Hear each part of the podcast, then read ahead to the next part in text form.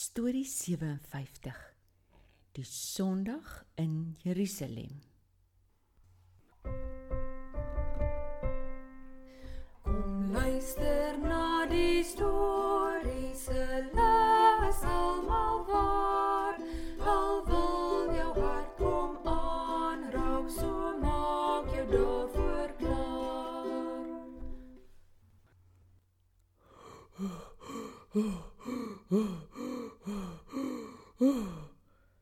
Tobias, hallo jong. Wat klink jy so uit asem? Hal, hallo, Danny, Gordon. Ek het vinnig gehardloop tot hier.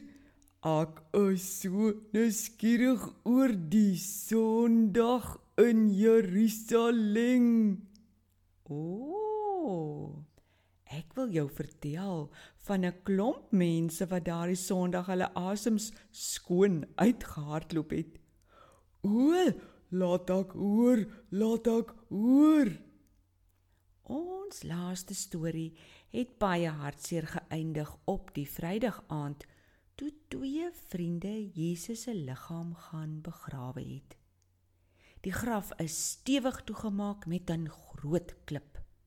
Soldate het daar gaan waghou want Ek weet, ek weet. Dan die triesters, das dan vir die voorstelling dat Jesus weer gaan wakker word uit die dood. net so Nou ja, die Saterdag was die Jode se Sabbat en dan het hulle nie gewerk of ver geloop nie. Die vriende van Jesus was in elk geval so hartseer, hulle wou niks doen nie. Hulle wou maar net sit en dink en huil oor Jesus wat weg was. Die Sondagoggend vroeg het daar vroue na die graf gegaan met reukolie waarmee hulle Jesus se liggaam wou gaan insmeer. Hulle was so hartseer dat hulle nie lekker kon dink wie sou die groot swaar klip vir hulle wegrol van die graf se opening af nie. Maar wat hulle nie geweet het nie, is dat iemand dit klaar weggerol het. Regtig? Wie was dit dan nie? Net soos die Vrydagmiddag was daar die Sondagoggend weer 'n groot aardbewing. Saam met die aardbewing kom daar toe 'n engel van die hemel af. Rol die groot klip weg en gaan sit daarop.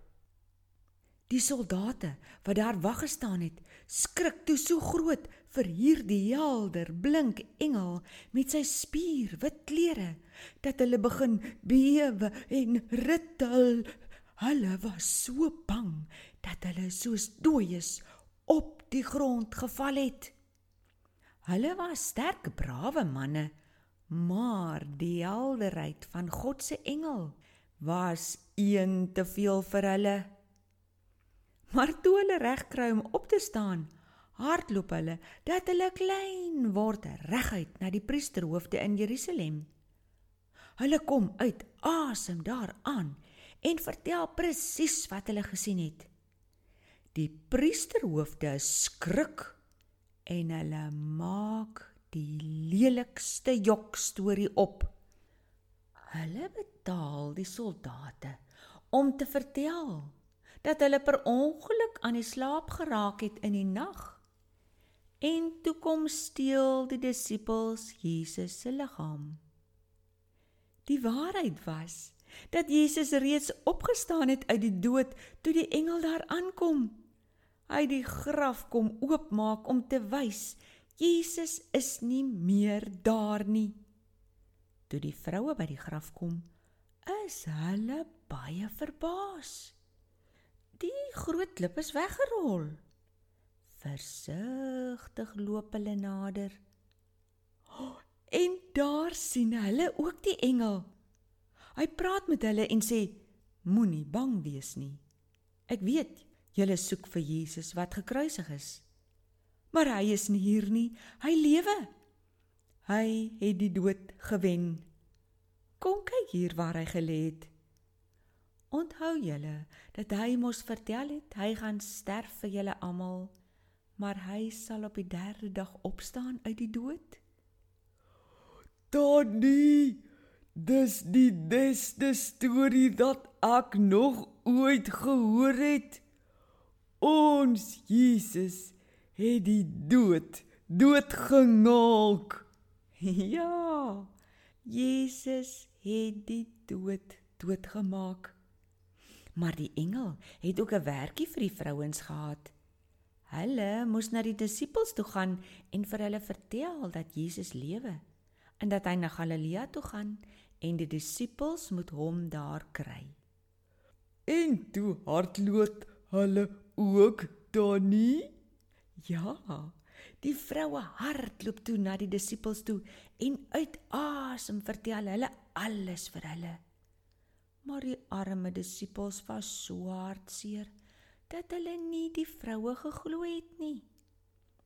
Petrus en Johannes besluit toe tog hulle moet ook gaan kyk wat daar by die rotsgraf aangaan. Hulle hardloop vinnig. Johannes het vinniger as Petrus gehardloop en kom eers by die graf aan. Toe Petrus ook uit asem daar aankom, kyk hulle albei in die rotsgraf.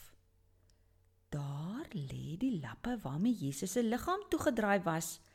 Maar hy is nie daar nie. Hy moet lewe.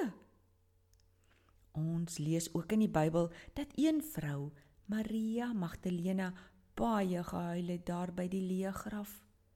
Sy het die storie van Jesus wat opgestaan het nog nie lekker verstaan nie. Jesus staan toe self agter haar en vra: "Hoekom huil jy so? Vir wie soek jy?" Sy dog, hy is die man wat die tuin waar die graf was versorg. Sy antwoord hom toe dat sy Jesus se liggaam soek wat iemand weggevat het. Hy sê toe net een woord: Maria. En daar besef sy, dit is Jesus, die een wat haar leer. Hy lewe.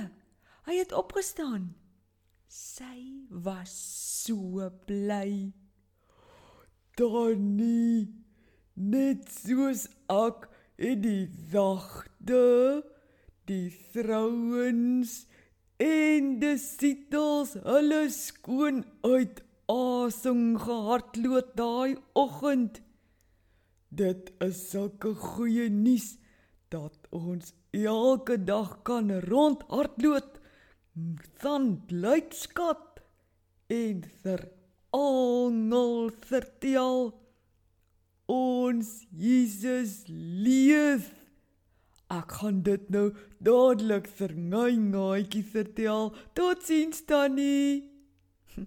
Daar hardloop hy met die goeie nuus. Totsiens Tobias.